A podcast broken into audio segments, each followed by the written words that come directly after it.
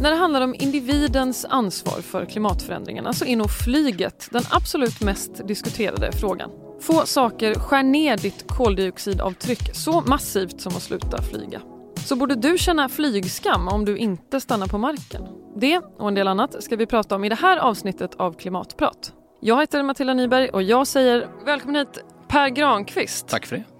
Journalist, författare, folkbildare och en av Sveriges främsta hållbarhetsexperter. So they say. Ja, visst. och du jobbar också med det statliga innovationsprogrammet som heter Viable Cities på KTH. Vad är det för någonting? Viable Cities betyder livskraftig. Det är ett här svårt engelskt ord man nästan aldrig kan lära sig. Men jag lärde mig det inför att jag skulle börja där. Och vi, ja, jag tyckte också att det var, kändes Bättre lite, sent än aldrig. Så. Bättre sent än aldrig. Det handlar om att skapa livskraftiga städer. Vi har fått mm. en miljard kronor för att på tio år hjälpa de svenska städer att ställa om till att bli helt klimatneutrala med fokus på nio städer som vi framförallt jobbar med. Och se hur kan vi liksom funka som någon slags raketbränsle i deras omställning.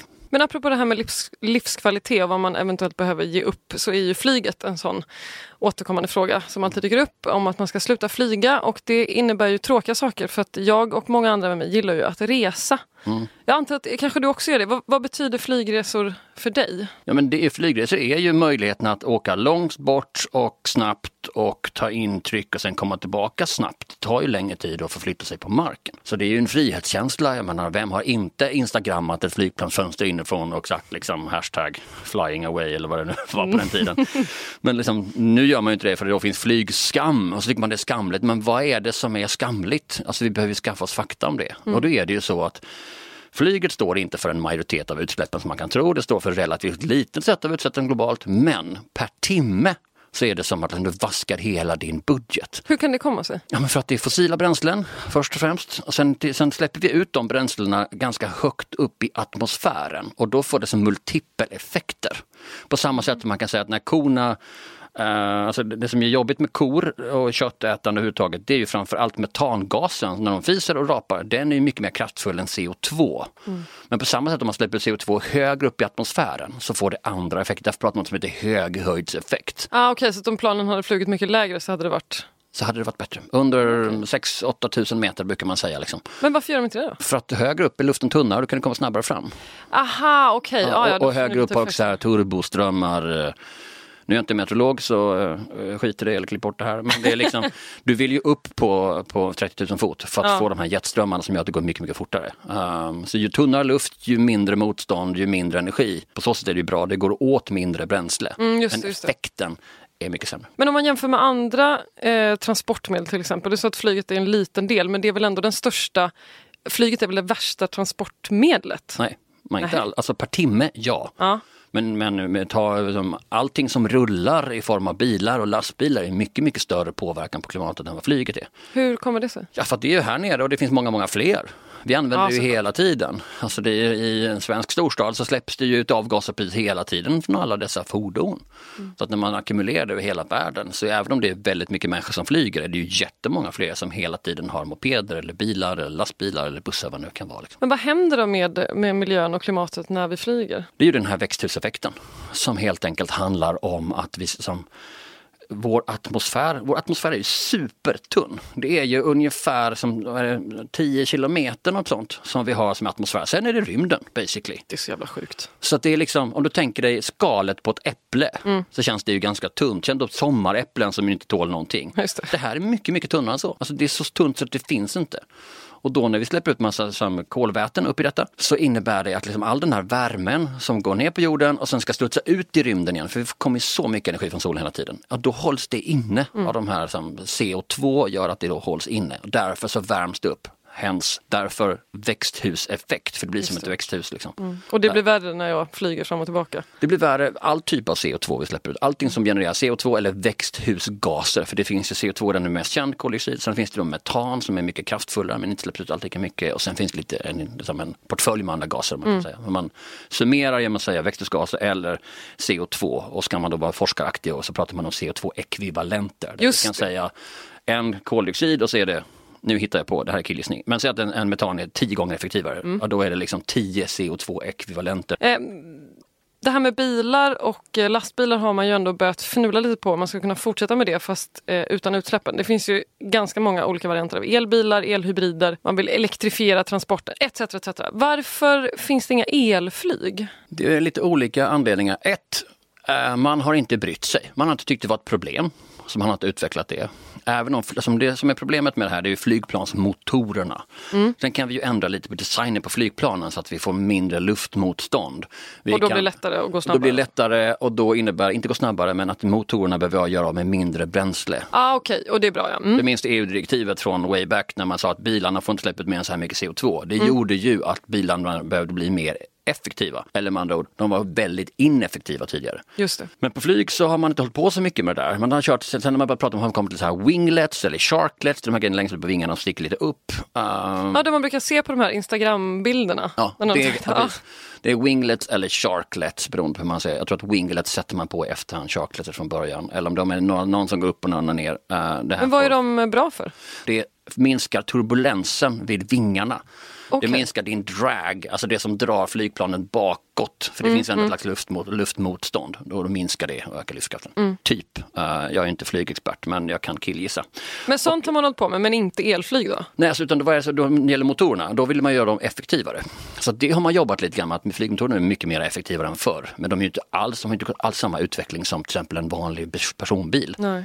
Som har gått från jättemycket bensinförbrukning till att de är väldigt uh, bränslesnåla. Men det har mm. inte alls skett där. Vilket är lite konstigt för den stora driftskostnaden för flygplan är ju bränslet. Du, ingen äger flygplan, alla leasar sina flygplan. Alla leasar sina motorer för de hänger inte ihop med flygplanen. Utan de köper man separat. Du köper tomma flygplan, sen sätter du på Rolls Royce motorer eller sätter på från någon annan. Liksom. Jaha, vadå så karossen kan vara från ett märke och motorn från ja, ett annat? Absolut. Så att när General Electric gjorde sin nya NEX-motor, som jag glömt vad den heter, om det är 17 eller 19 och sånt, så kunde de sälja den lite dyrare uh-huh. för att den var mycket effektivare. Och det är skitsamma, uh-huh. för man leasar det ändå, då får du ett lägre driftskostnad. Gud vad bra. Men de, de, de, de gör motorn bara inom citationstecken? Ja, ja, Rolls Royce gör bara motorer. Uh, General Electric gör bara motorer. Så men om de ändå bara gör motorer, kan de inte bara göra en elmotor då? Nej. Bara göra en el... Sväng ihop den bara. Hur jävla svårt kan det vara? ja, exakt. Alltså, men det, det, här har med sakerna ett, för att du måste lagra energi någonstans. Vad ska du lagra? Det finns ingen plats ombord. Det är inte integrerat. Medan när man gör en batteribil, så man, vänta här under golvet, här finns ju massa plats och vi kan ju byta det här och göra batterier. Liksom. Mm. BMW gjorde sin första elbil på 72. Då fyllde man liksom bagageutrymmet med bilbatterier, seriekopplar här. Det här var till olympiaden för man ville inte ha att avgaser skulle hamna på maratonlöparna för den bilarna körde ju framför dem. Ah, smart, smart vad C-kopplar man, det är som att ha vanliga batterier, bara fullt med det. Och mm. en Tesla är egentligen bara bil, alltså mobilbatterier sammankopplade. Just det. Ja. Ja. Den är byggd från början, vanliga bilarna, de säger vad ska vi göra? Vi kör det under eller vi kör fram och bak. Sånt liksom. Men eftersom flygplanstillverkaren är något helt annat. Just det. Så ska du koppla på jacka på en motor, vad ska de batterierna vara? Alltså då måste batterierna mm. vara i vingarna i så fall. Ja, nej det vill man väl inte. Det kanske man vill men det är inte samma tillverkare så det är ett hinder. Två är att liksom, det går åt rätt mycket energi för att uttrycka det milt att få upp en sån här kärra på mm. flera hundra ton i luften. Och det krävs att du måste, alltså när du, när du väl är uppe, då tuffar det på. De stora Aha. energiåtgången är att framförallt att gasa och komma upp. Just det. sen på vägen ner är det inte alls samma problem för du kan ju glidflyga ner. Liksom. Ja, såklart, såklart. Uh, men det är att komma upp med skiten och ja. då måste du ha jättemycket kraft jättesnabbt. Och energidensiteten i flytande bränsle, flygbränsle, jetfuel. Den är otrolig. Är jättemycket. Ja. Så det, är skillnad man har som ett litiumbatteri och att ha ett gammalt batteri som man kunde ta 3,5 volt, man kunde slicka på lite bzzt i tungan. alltså det, är den, det är inte de man ska in i flygplanen. Det ena är liksom elchock för att väcka människor och det andra är lite på tungan. Ja. Så därför måste du liksom, det är skitsvårt att få in batterier. Utan vi måste hitta någonting som funkar. Vi ska både få upp planet och sen ska det hålla under och också flyga till Thailand eller någonting. Mm, liksom. Så det enda du kan ha är något annan flytande bränsle som är väldigt så energitätt. Och vad skulle det kunna vara? Då är det vätgas. Så att när man pratar med folk om liksom, man pratar med folk på Airbus eller så här, som man ju lätt gör om man är lite nördig som jag. ja, som man gör. Så är det ju vätgas som kommer vara på lång sikt. På kort sikt, över korta distanser, alltså upp till en timmes flygtid. Mm. Där tror vi att det kommer bli batterier. Och på och det gamla och liksom lång sikt, nästan när vi flyger till Thailand i framtiden så kommer det att vara vätgas. Och varför är vätgas bättre? Vätgas blir liksom, när du skapar vätgas, när du eldar vätgas så blir det ju bara um, vattenånga uh, och syre. Typ. Det ger, alltså, det ger inga CO2-utsläpp. Mm.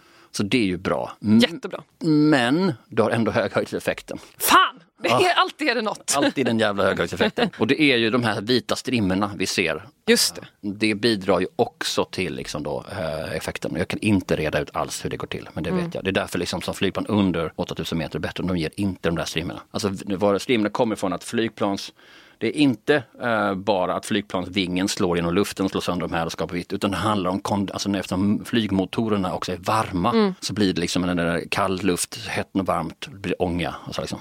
Och flyg, eh, elmotorer blir ju aldrig varma så det kommer bli lite mindre. Men Ah. Men ändå, det blir en höghöjdseffekt. Ja, och har du då, liksom då vätgas så kommer fortfarande motorerna kunna bli varma. Mm. Men så att vi kommer ha, på korta distans kommer vi ha det och då tror man att det kommer ske först av allt i Norge. Norge har jättemycket el. Mm. Eh, har man mycket el kan man göra vätgas. Så vätgas är som ett bra lagringsmedium för energi. Och Norge har ju också el från liksom vattenkraft, alltså ren el om man ska säga. Ja, man kan göra det jättelätt. Liksom. Mm. Men de kan, eftersom de också har då korta distanser. Norge är ju ett väldigt litet land. Det är ju det faktiskt, det tänker man inte på. Men, Så att ja. allting som, du har ju, finns ju inte så mycket tåg och sånt i Norge för att det är liksom, ska du fly, köra från en ort till en annan som känns som det här kan inte vara mer än fem kilometer, tar det ju ändå fem timmar för du ska ju runt ett berg hela tiden och en fjord. Men flygen kan bara upp och ner och de behöver inte gå upp till 8000 meter. Kan ju bara upp till 2000 meter och sen ner igen. Så att därför tror man att det är perfekt. Därför elektrifierar Norges motsvarighet till Swedavia. Därför håller de nu på att elektrifiera sina flygplatser så att man kan snabbladda upp och ner. Men hur långt har de kommit med det där? Är de liksom typ igång? alls. Ja, de håller väl igång och pratar om det. Ja, okej. Men det ja. händer inte skitmycket på det här Nej. området. Utan det handlar om att man tänker och planerar och så ska man dra fram liksom någon sladd till närmaste flygplats och så måste den sladden vara jättetjock och var ska det komma ifrån och så måste man bygga en transformator. Så Men det är ju man... bråttom, alltså borde inte folk vara så här, shit nu kör vi! Det ska vara klart imorgon. Liksom. Nej, eh, ja, då borde folk säga shit nu kör vi, det måste vara klart imorgon. Och det är, alltså, all teknik finns. Men vi sitter ju fast i våra befintliga sätt att leva. Och så tänker vi att åh, ska man ta flyget ifrån mig eller bilen eller det, äh, det blir jobbigt. Det är rätt gött nu så att jag kör på lite. Ja, det kanske kan dröja ett tag innan vi har elflyg i Norge och ännu längre tid tills vi har det i resten av världen. Så hur ska du resa under tiden? Och vad ska jag tänka på om jag behöver flyga till USA i jobbet? Eller hälsa på min familj i Australien? Och varför pratar vi ens om flyget när det är andra transportmedel som står för de största utsläppen? Men vi har en, vi har en utsläpp på 10-11 ton per person i Sverige. Det är sjukt mycket. Det är mer än som de flesta ställen i världen. Så att vi, som, vi släpper ut jättemycket. Vi har en budget som handlar om inom planetära gränser. Hur mycket finns det? Alltså vi lever ju på total krita. Nu är det, är bara, det har bara gått några månader av det här året och redan är, passerar vi den budgeten vi har för att släppa ut. Vi släpper ut 10 eh, till 11 ton om året idag när man tittar som en helhet. Liksom. Både det vi konsumerar här och sånt som uppkommer av att vi köper massa prylar från Kina eller från andra länder som uppkommer där borta. Det, men låtsas vi inte om de finns, men de finns ju. Så att redan nu har vi gjort av med vår budget. Sen lever vi på krita hela året. Så vi måste tillbaka till att leva inom vad som är rimligt och som ska funka det. Liksom. Och därför, om du då i det så åker till New York fram och tillbaka och så är det 4 ton CO2 som går ut där ungefär. Typ, man kan titta på lite olika kalkylatorer på, på webben och så kommer man fram till genomsnitt 4 ton. Ja men det är ju då med på 6 timmar. Det är som att vaska champagne. Det är ju helt idiotiskt. Det är inte nog med att du bara har ett ton, du gör med fyra på 6 timmar. Utan dessutom så, vad ska du leva av resten av året? Ja, det blir svårt. Så du behöver reflektera över det. Liksom. Sen finns det såklart, vi har ju alltid varit upptäcktsresanden och man vill ju upptäcka med egna ögon och så vidare. Det är klart det kommer hända, men det kan hända att vi om några år åker till Tokyo i VR. Och då vill tänka att låta sån här töntig VR, halleluja-människa, utan men liksom att vi kan få med oss de grejerna vi behöver uppleva där på det sättet. Men när du själv flyger de, de gångerna det händer, känner du flygskam? Eller är det bara onödig eh, liksom energiläck? Alltså flygskam är ju någonting man lägger på någon annan.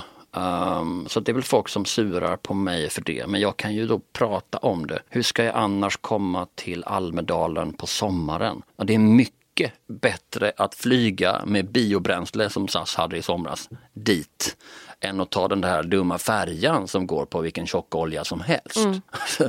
Men det är ju lätt att lura sig så man får liksom nörda in på det. Sen låter jag ju som bästa besserwissern. Nej, nej, nej, du ska minsann. Men det, alltså, du fattar, det gäller att alltså, grunden är att vara medveten om det. Om jag, när jag åker till, till eh, Nordamerika för att prata på olika ställen, jag menar det är klart att medvetenhet om att det är en jätteutsläpp här. Ett, då måste vi kompensera, inte minst med tanke på vad jag håller på med jobbet. Liksom. Två, hur kan jag göra så effektivt när jag är där? Det är ju en mänsklig rättighet att kunna flytta sig så mycket som man vill. Men det är inte en mänsklig rättighet att kunna liksom skräpa ner så mycket man vill. Är det mänsklig rättighet att flyga då? Det är, för det är väl både, det är ju båda de grejerna. Det är mänsklig att kunna flytta sig men det är inte att skräpa ner. Så... Det är mänsklig att kunna flyga, ja det är det. Men det är inte mänskligt att kunna flyga på ett sånt sätt så att det liksom skräpar ner och sabbar planeten för oss andra. Eller för mig själv för den delen. Liksom. Mm. Vad skulle du säga eh, till en person som känner väldigt mycket ångest och skam och skuld över att man flyger? Eller liksom känner att ah, jag har slutat flyga men fan mitt liv är så jävla fattigt. Liksom, jag vill verkligen resa och jag kan bara flyga dit. Vad ska jag göra? Jag mår skit. Mm, prova alternativet då. Alltså det är det vettiga. Prova och tågluffa runt i Europa eller prova att åka till Narvik med nattåget och liksom sånt. Men jag flög också ganska mycket mellan Stockholm och Köpenhamn så fort man ska till liksom eh, Malmö med någonting. Innan jag, för just det nattåget, det har jag ju knappt hört om. Liksom. Uh, det var precis som man sa att man skulle lägga ner nattåget som en kollega till mig på Sydsvenskan sa, det här är ju vad fan. Och då började jag köra, alltså att åka nattåg är ju värsta bästa grejen. Så det gör ju mitt liv mycket, mycket enklare. Jag kan gå på ena staden 10-11 på kvällen och komma fram i den andra staden den 6-7 på morgonen. Och nu när man har justerat så kommer vi ganska snabbt ner då till kontinenten och kan ta sig vidare. Så bara prova det. Du kan inte säga att nej gud vad dåligt det är om du inte har provat det nattåg i Europa är fantastiskt. Alltså från Malmö, Danmark är alltid segt i alla sammanhang kanske.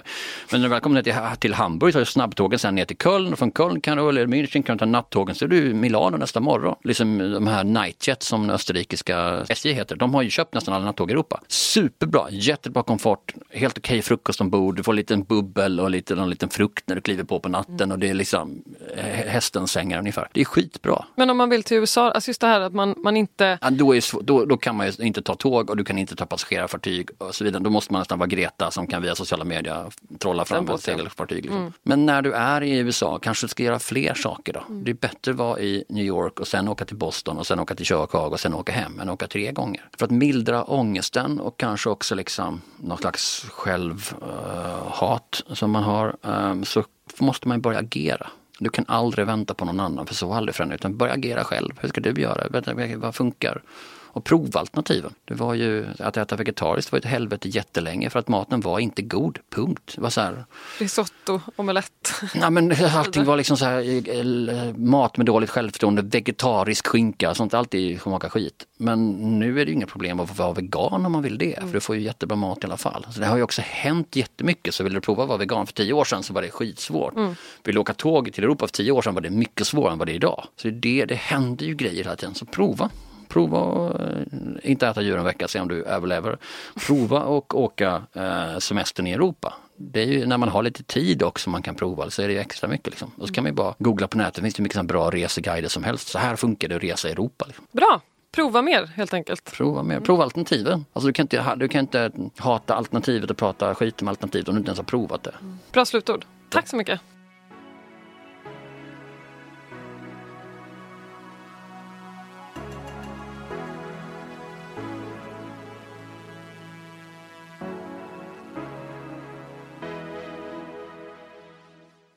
Du har lyssnat på en podcast från Expressen. Ansvarig utgivare är Klas Granström.